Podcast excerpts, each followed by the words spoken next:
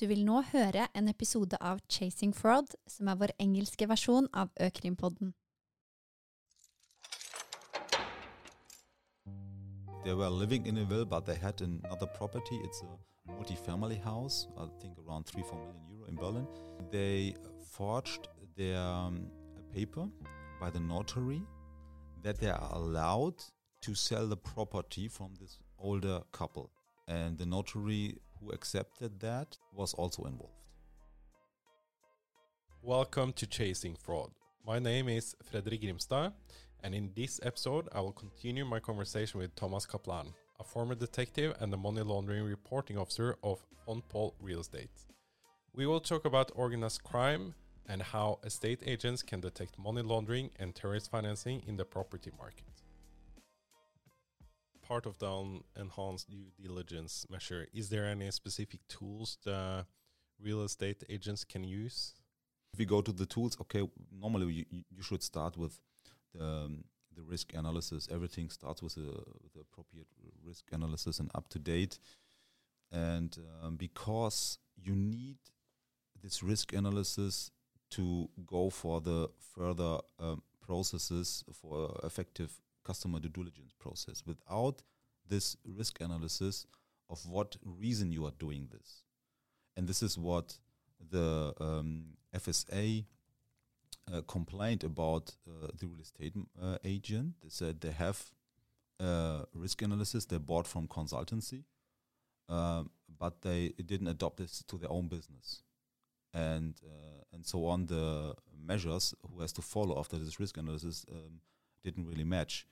So you have to start with an adequate risk analysis. That means you have to deal with this um, red flags uh, I, I, talked about, and and uh, that means, okay, what kind of properties I'm selling? What is my okay? Everyone says, yeah, I'm selling residential properties, no commercial. I said, yeah, but what kind of residential? Is it apartments, houses, then if you have apartment and houses, is it houses and apartment you have to refurbish to invest money or not? Is it uh, a new build? And every of these aspects, if it's like an apartment or a house, has a different risk rating.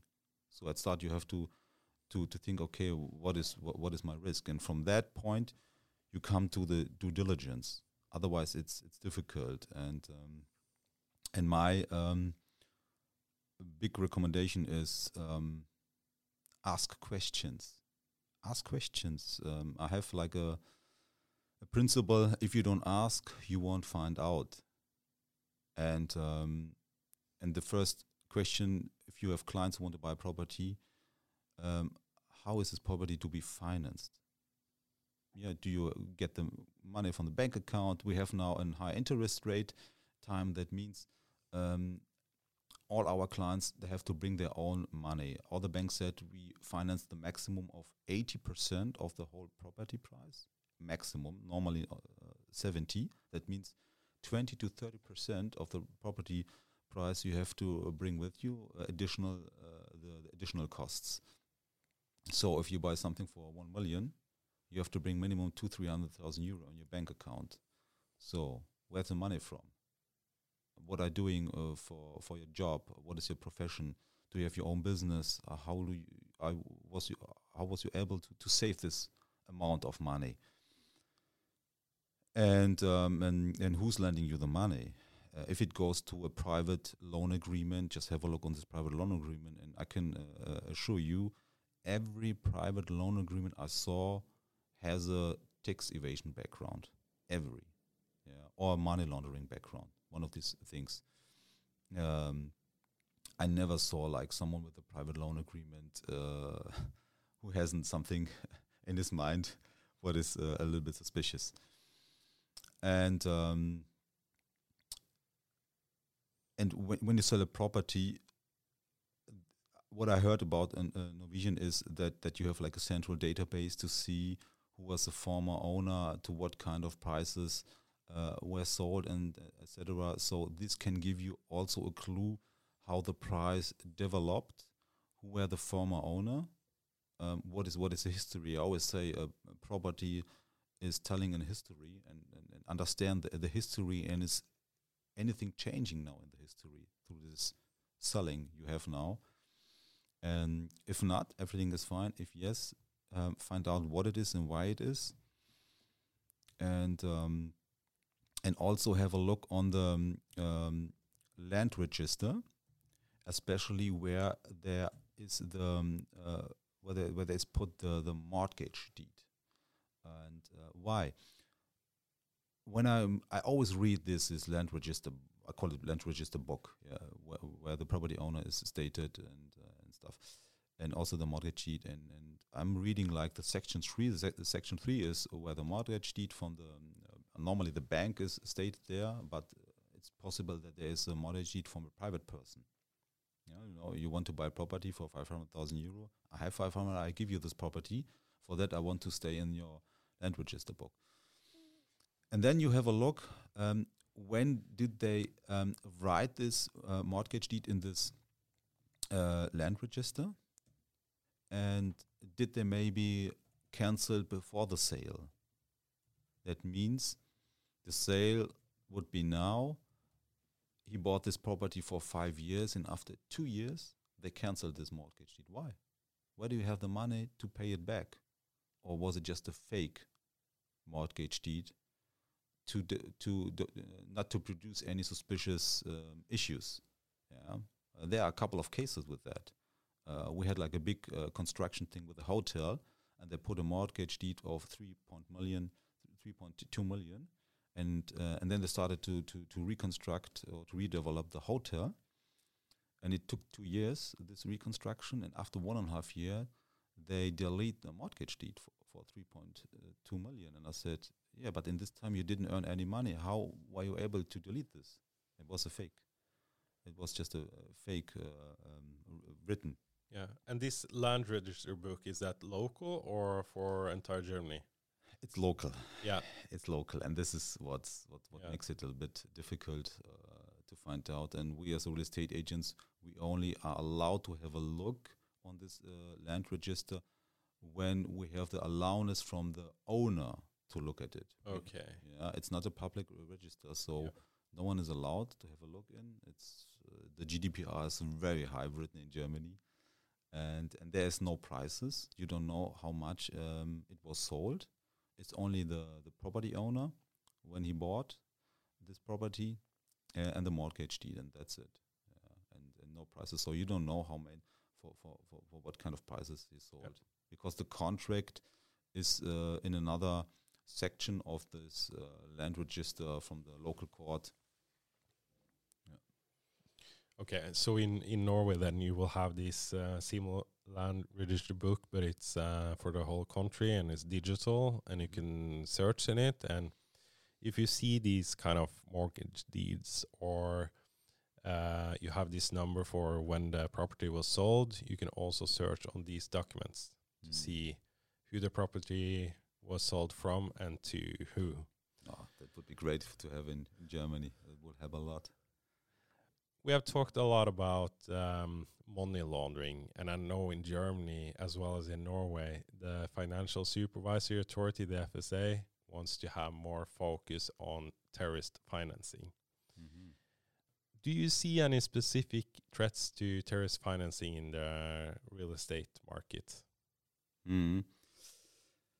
In Germany, in Germany, yeah, it's, it's it's it's a really really good question. Um, I think before we start to talk about this, I want to make um, a, a, distinction because uh, we have like two sections. We have like the Islamist terrorism, and we have the right and left wing uh, terrorism. Mm-hmm. Uh, in Germany, we have to differentiate because um, they are behave differently. And uh, so the left wing is quite simple. There's no not a such not a big impact on the real estate market. Uh, the right wing is getting now for to have uh, troubles. They want to buy properties for their own events. You know, they have like concerts with um, right wing bands uh, who are singing like hardcore right wing songs, and so that's why they're looking like for big places in the east of Germany um, where there's a strong right wing um, parties there, and and of course we have also there are right wing political parties who are official and uh, they are raising uh, a lot of uh, um, uh, votes at the moment, and that's why there's a, like a dangerous thing coming on the east of Germany. But we have to see how wh- where it goes now. But I sh- I will I will I will stay with the Islamist terrorism. Why? It, that was my job when I was a detective to find out how people who support the terrorism, um, I will say it like this, is, um, let's give them a name, supporter. They are not direct terrorists, they are supporting, and, and they are responsible for financing the terrorism. So they are try to, to, to gain, to collect money uh, in Germany. Um, and my job was it in, in Frankfurt to find out where they are collecting this money. Do they have like legal ways? Do they have illegal ways? And um, and yes, and the problem of uh, terrorist financing is um, they are using legal resources. That means they're using their um, uh, own employment income, uh, support payments, savings to tr- to transfer this over NGOs uh, to, for example, Afghanistan or to other countries, and and and, and this NGOs in Afghanistan uh, they are like supporting the terror camps. And, and uh, one example is uh, I was like uh, observating a group, and the head of this group they were criminals, a criminal group. They were stealing professionals um, thefts. And uh, and the head of this group he was the brother of a guy who was preparing for a jihad in Afghanistan. Uh, he was in a terror camp, and this terror camp had to be financed. And, and uh, it was, I think, 2007 around. And, and for that, you, you, needed more money than today. And and they were like stealing money in Germany uh, for this. And they had like a, a business, like a, called an internet shop. It's like a, with computers, you can go into internet and, and, and you can have calls in other countries so the perfect location um, to um, uh, yeah to put on the front on the serious front and and, and, and, and behind all these scenes uh, they did this criminal activity. And um, and I think that's the big um, challenge to find out if a person is uh, supporting the terrorism because they're using normally legal money. And and in times from today you don't need much money, and uh, and it's like auch very fragmented. That means you had a case. There were two students who did uh, a brainwashing through YouTube. There were no big mosque or uh, an imam there to doing the brainwash. They did it by their own, and they prepared two two bombs in, in suitcase and placed it in trains, and and they tried to um, bomb the, the trains with a phone, but it didn't work. They did it electronical mistake. So we had luck. It was two trains in Germany. So um, and that's why it's difficult. So we have to start um, from the beginning. You have the client. You can see some indicators, and you have the property. I would stay with these two because um, they will try to with donation from their earnings they have from their normal jobs, etc and this donation will be made in the mosques. Uh, they have uh, the Friday prayings, uh, and everyone is putting money in this in this.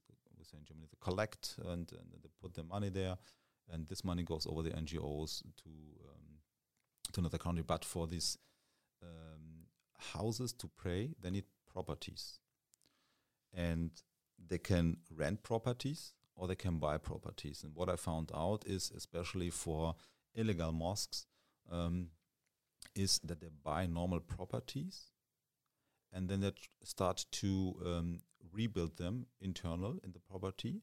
They change the room. They uh, don't have the permission to do this. They do this illegally, and because they have to have several rooms, the room is for only for, for women. The other room is for the kids, for the women, uh, for the men's, etc.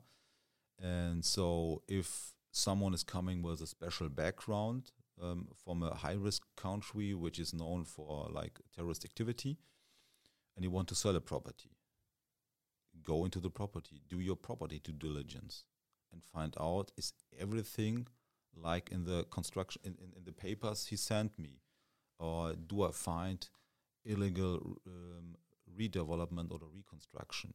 And, um, and this could be one one indicator regarding the property.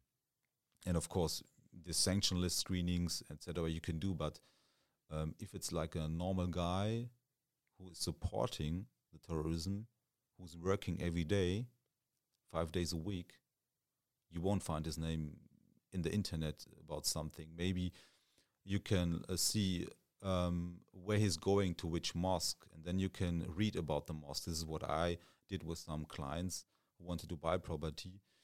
Um, I found her name um, in connection with some mosques as a visitors, and uh, and then I had a look. What is it for for a mosque? Is it like a, normal mosque, or is it a mosque um, who is supporting radical parties in other countries? And you can read this in papers. And if you find this, you can do your own decision to say, uh, do I want to support this guy? Do I want that he buys this property?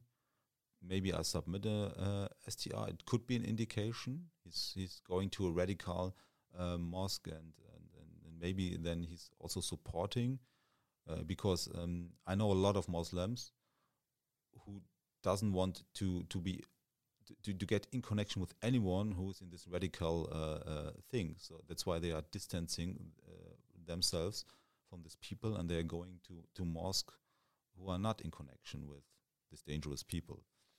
So that's one thing. Have a look on the property, and um, and have a look on the um, on the on the on the client side. Um, um what he's doing. Maybe if you can find some connections or do some some OSINT. We say OSINT. It's like open source intelligence. Go on Google and find out. Maybe if you find on Facebook or uh, other uh, social media uh, portals something. And, uh, and and of course you can like uh, um, when you when you talk with the client if you're doing this I call it like this info informational interview and the police officers are doing this to, to, to gather information. And, and when his uh, client discloses conspicuous amount of background knowledge on the topic of like extremism, terrorist financing, or that works for NGO, um, this could be also like an important indicator. But for that, you have to get him into uh, into an informational uh, interview and um, and to find out okay how it's thinking, how his behavior. Uh, I had one case where the client sent us um, the proof of his capital. He wanted to buy uh, an apartment, and um, and then I said, okay. He said, I have this cash on my account. I said, okay, uh, perfect. Then uh, over sent us your uh, bank statement, and he sent us um, uh, the whole bank statement. That means I could see what kind of money left his bank account from which organization, etc. And then I saw that he paid money to two NGOs, and, and one NGO is supporting um, an organization which is from the, uh, which is in the Turkey a terrorist organization, not in Germany but in Turkey. And I said, okay, um, it's it's not it's not the German rule, it's it's Turkey rule, but uh, maybe we shouldn't um, work with this guy together if he's if he's supporting organization who are in connection with some terrorist activities. So um, this kind of information could also help you. Uh, use everything what you have and what you get, and and, and check this for plausibility, and ask yourself the question uh, what it is and how can I use it and um, and one point is the um, uh, Norway real estate agents, they um, receive the money from the buyer and transfer it to the seller. This is uh, what I understand. And uh, and when the client wishes to finance a property using funds through like a mobile money transfer services um, or money service provider, also, different names, same thing um, be careful, don't do this. Ask for getting the money from a Norwegian bank. Don't accept money from a country which is high risk, especially not when it comes from a mobile money transfer, um, we had we had a couple of cases where we had like clients uh, or customers from Iran or from another country, and um, they said, yeah, yeah, we have the money in Germany, and they oversent you a bank statement that they have 1.5 million euro on the, on a German bank account, and, and they said, yeah, the money comes from Germany, everything is fine then the transaction is over. You receive the commission, and the commission does not come from the German bank account. It comes from a, um, a money service provider from Turkey. And uh, and the end of the story is what happened. He organized a money mule who transported cash from Iran to Turkey. Um, he put the cash in this bank account from this money service provider, and this money service provider exists for six months, maybe one year maximum, and then they close it again because it's only used for for money laundering uh, purposes. And um, so at the end, um, have a look on these uh, art kind of red flags and um, and ask the client: Is it possible to pay the money from a Norwegian um, bank account? When he says yes, I will, then you say, okay, bring me the proof that the money is there. Mm-hmm. when you have the bank statements from a Norwegian bank account, then you can say, okay, now we can go further to the transaction. Not before. They will tell you they will, and at the end, the money will come from this money service provider. Um, wait till you have the um, uh, bank statement from a Norwegian bank that the money is there, because then the bank has all the paperwork to find out where the money is from, and uh, and when they find out that the money is maybe from an illegal source, they won't accept the money. So they did the first job, and for you it is helpful when a bank said, "Okay, for us is a transaction okay," and that can be helpful. But you, of course, you have your own due diligence measures. You have your own decisions to make. But the decision of the bank can help you to say, "Okay, the bank said the money is okay. Otherwise, they wouldn't allow uh, this this this transfer." and uh, maybe just uh, as, as last as a last point to this question. Yeah, you mentioned um, uh, briefly about uh, what the Abu Chakr clan had done, and you told me where a clan son buys a huge property at auction for 7.5 7.4 million euros and that a clan brother scammed million dollar property in Berlin. Can you go through through those cases? Yeah, um, um, that's um, one thing the Abou-Chaker clan did is um, uh, this. You mentioned now two cases. Uh, the one case is uh, the scammed million dollar property. What happened? Um, family members from Abou-Chaker um, they find out that an older uh, couple, they were I think around 70, they, they were living in a will, but they had another property. It's a multi-family house, I think around three, four million euro in Berlin. So w- w- what did they do? They forged their um, paper by the notary that they are allowed to sell the property from this um, older couple. And the notary who accepted that um, was also involved. Otherwise, it wouldn't be possible because normally the the, the, the couple has to be uh, there and so they they, they forged this and um, and then they worked together with a German investor. They made a deal with him. I said, "You buy this property, but you will never be registered as an owner." And then you find a um, clean buyer, someone who does not know what we did here. So this is what he did. He found uh, a buyer, I think, for four or five million euro, who wanted to buy this property and then the older couple got an information from the um, insurance company um, that the um, insurance, um, the the for for uh, fire fire insurance, uh, because of the so- sale uh, sale of the property, um, is finished now. And the older couple says, "Why? Uh, we need an insurance." And they asked and said, "Yeah, yeah, you sold your property. That's why you don't need it anymore." And I said, "No, we didn't sell." our property. So they went to the police and, and they made an investigation, found out, oh, uh, it's maybe the Abou-Chaker clan behind that, and it's a big uh, scam. And it took, I think, two years that they get again their, the property. But uh, uh, it was so close that they earned with nothing four million euro. And uh, and the money would would be away. That's just um, one one case how they are working. It's very creative how they're doing things. They are doing things you never would think it's possible. And uh, but the bad thing is uh, the the nasty mansion deal of the Abou-Chaker clan. What happened? Arafat Abou-Chaker, um, it was 20, 2012, he said to, to this famous rapper Bushido, he made like millions with his songs. Um, and, and, and, and this songs is always uh, against cops and, and, and ACAB and all these things. And uh, Arafat was his boss, uh, his manager, and he said, okay, come on, let's buy this um, um, ensemble of wills in uh, Berlin, in the near from Berlin. And they bought it, I think, for a couple of million euro and in the one will uh, Arafat was living, in the other one his uh, the father of Arafat, and the other will was Bushido. Every will has I think around three to five hundred um, square meter living area, so it's really massive wills. And um, in the time from 2012 to to the time when he sold this property, uh, they re refurbished the wills.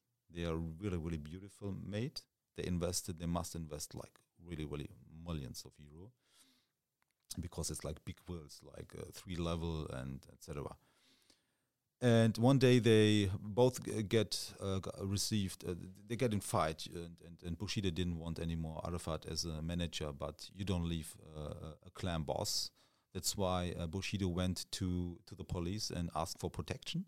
Uh, it's funny in the songs he hated the police, and now he went to the police for protection and received the protection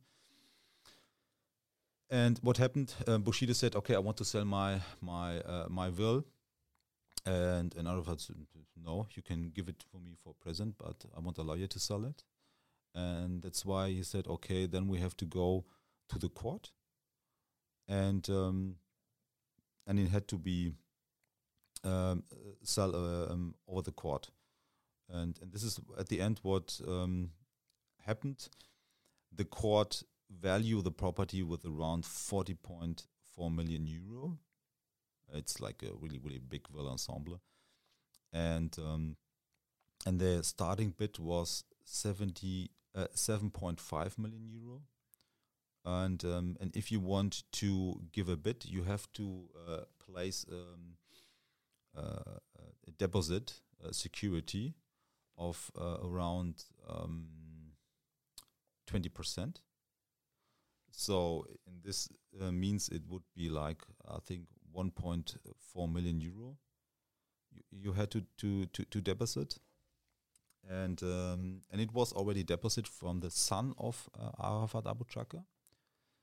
Um, but it wasn't cash he deposited. It was like um, a security paper from the bank. The bank gave the son, the 20-year-old son, which uh, has any work, he didn't work, and um, gave this uh, security and he deposited by the court and the court said okay perfect. And and then they were asking in this official um, um, um transaction they said okay who want to give a bid? No one. And then a lawyer of this 20 year old young son said i have a bid from my client 7.4 million euro. And they were uh, on this court there were like police tax uh, tax authority, everyone was there. but no one tried to give a, a, bid for that. So that's why he got it for 7.4 million euro. And and I tried to get the value market of this property is I think around 20 million. It's not 40.4. It's just um, a much more. So a 20 year old um, son of Arafat Abou-Chaker paid 7.4 million euro for a property or for properties uh, which have a value of 20 million euro. And, and no one is able to do anything against that. And, and this is like uh, absolutely crazy. No one asked where's the money from. How is it possible that Arafat Abou-Chaker or his son are able to pay 7.4 million euro? How many money do you have in your uh, in your cupboards or whatever where you where you, where you put the, your cash or your illegal money to pay this amount and um, yeah, and this is I think uh, one of the famous cases at the moment in, in Germany, and um, and everyone is wondering how is it possible. But uh, this is I think why it is possible in Germany is all the people are coming to Germany to invest in the market with their illegal money. Uh, there is a saying that the mafia in Italy only survives because of the German property market, because they're able to invest all their illegal money in the German market, and no one is able to to stop them. Yeah. But e- even though a lot of criminal activity occurs locally in different uh, different countries, a lot of criminal activities doesn't always have some borders, so they can be cross border, and you can have uh, criminal groups, organized crime uh, in from same groups, criminal activity in several countries. Uh, do you think any of the criminal groups you're talking about have any connection whatsoever to Scandinavia and Norway? Yeah. Um, what I found out that there's um, when we talk about we have in, in Germany like hundred of clans. You know, it's like big clans. Like Abou-Chaker is just one of these nasty clans. We have the, the Remmo clan. We have El Zain clan, Miri clan. They are all dangerous. They are doing the same things. And um, and I had a look on which clans are in Germany and in one of these Scandinavian countries. Uh, I did not find any direct connection to Norway, but a lot of connection to Sweden. Uh, why in Sweden? All these Arabic Turkish clans are left in the after the Lebanon war. Um, they left the country and moved to Germany and to Sweden uh, to live there. And, and, so there are like a couple of clans. Um, I will name some of them. For example, the Ali Khan clan. the the boss is Hashem Ali Khan. They are in Berlin and in uh, Hanover. This is in North, Northern West, uh, And uh, a big clan. They are really dangerous. And they are also in um, Sweden. In Sweden, there are around 120 family members. And uh, what I found out is that, for example, 30 of them are involved in more than 200 investigations. They are loud, they are violent, uh, they have guns, they are involved in shootings, and um, and they are in um, Malmö, Göteborg, and uh, Stockholm. They are based there. and what I read is that, uh, especially in Malmö, um, they are like in the north of Malmö, and they are like uh, they have the control of the north of Malmö, and uh, and then you have like another clan, the Al Zain clan, they have more than 3,000 members in Germany, or mm, say in whole Europe. And they are really present in Germany. Everyone knows the Al Zain clan are also involved in shootings. And, and they are uh, also in Sweden, in Malmö, in um, Hässleholm, uh, Landskrona, Lomma, and Perstorp. Um, and they are in the, I think, in the south of Malmö, because in the north is uh, Ali Khan clan, so they are dividing uh, it, and and of course you have the Fakro clan, and uh, he's very active in Sweden, especially also in Malmö. Interesting, and in Germany he's in Berlin and in Essen and in some other cities. These are just like those the main big clans. When I say big clans, like hundred to two thousands, and involved in shootings, uh, robbery, and, and, and rape. Everything, everything there, everything involved. And what I saw is that Oslo is not far away from Malmö. uh, so when you think, oh, we know we don't have any problem with clans, I said it's just one hour away. one hour away. Yeah. I said when it's um, too hot because Sweden is starting to to fighting them to take them their kids away. There's it's it's a new measure, preventive measure they they implement. They take the the kids away they say, "Oh, you're a criminal. We want your kids." They get another parents, and and this is of course for for these clans really like a dangerous thing because it's uh, about their reputation. Because if you if you are not able to look after your own children, uh, no one has to be afraid of you.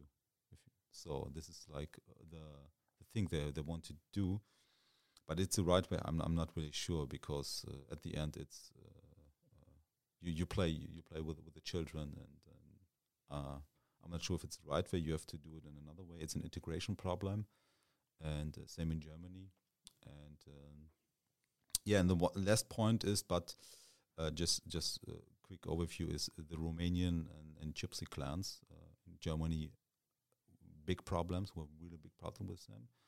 Uh, they are really involved in, in organized uh, crime, uh, only in their own clan, and um, they are really good. Uh, they are manipulative, and uh, and they're making a lot of money, Mhm. and um, and it's and it's not ending. And they are really really um, flexible. They move from city to city. They don't need to live long in a city. They're moving. They are now in Frankfurt. In two two years, they are somewhere else, and um, that's typical for them.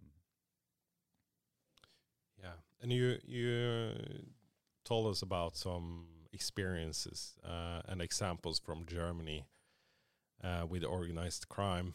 Uh, do you do you have any suggestions for what Norwegian authorities should do to prevent that Norway experience Mm. similar things? Mm. Yeah, I could start with the general things like a robust anti-money laundering uh, system, etc. But all these things they they they don't get to an, to an effective output. I think um, what what could help is and what helped maybe Germany is uh, this public-private partnership we developed. Uh, in this working group three I'm leading, we published a paper um, money laundering in the real estate sector in connection with clan crime. So it's the first paper which focuses especially on clan crime, um, where you where you can find red flags, anomalies, suspicious um, issues, and, and, and, and this you can you can put on your risk analysis. You can use it directly. There's no transformation, anything. You can use it directly, and that helps a lot of obliged entity to find this out. Uh, and I think in if I heard that there is a public-private partnership, but it's only like between the, the financial sector and the private, se- uh, the, the the public sector, but there's uh, not uh, the non-financial sector, especially like uh, lawyers and, and real estate agents, etc. And I think this is important, maybe to to develop this to uh, uh, with a working group who's who's who's taking care, who's looking, who's developing papers, typology papers, who can help. Um, this would be like a, a direct uh, thing. What is important, and and then there is, I think, one important thing. Um, um, we can talk about this a lot the whole day, but I think one important thing is what Austria did because Austria. I, th- I compare Austria with Norway in, in, in, in the thing of in connection with the clan crime. Why?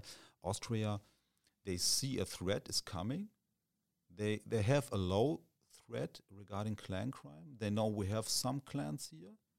They are, but they are starting getting loud, and we have fear that there are coming more clans. And um, and in Norway, it could be the same. So what did they do? The um, the, the, the Federal Criminal Police Office, um, they have an exchange um, between the Berlin State Criminal Police Office and the Swedish National Police. Uh, it was, uh, for example, uh, intensified. And, and there's a mutual job shadowing program. That means the Berlin Criminal Police um, go to the Swedish, and the Swedish comes to, to the German police, and uh, to change like to exchange information. And um, and and there uh, last year the um, government the, the from Austria that was like the second thing they invited a Swedish uh, police officer a German police officer with experience with clan crime to Austria and of course in Austria some police officers uh, to have a two-day conference to talk about these problems and how can Austria use the best practices from both countries uh, for their own system. And, and you have preventive measures like communication, how we can communicate with these clans. And, and of course, you have like the, uh, the, the combating, how we can effectively combat clan crime. And um, and and I think this was a really really good idea to do that. And I think to get a first impression about the threat is maybe to invite people who have this uh, experience. And Sweden is just next door, so you have the professional police officers who has experience. Um, just invite them for, for a conference. This was my, would be my first point to just share information, to get a first overview, and um, maybe to educate the um, Norwegian police officers in this kind of crime, and maybe to build um, uh, a special task force or, or persons um, who start like to educate the, the police officers to have a better look on this. Uh, this could be like uh, two two things who could or three things was was it now who could who could help directly. Yeah. Thank you so much, Thomas, for contributing with your knowledge. Thank you. It was a, it was a pleasure.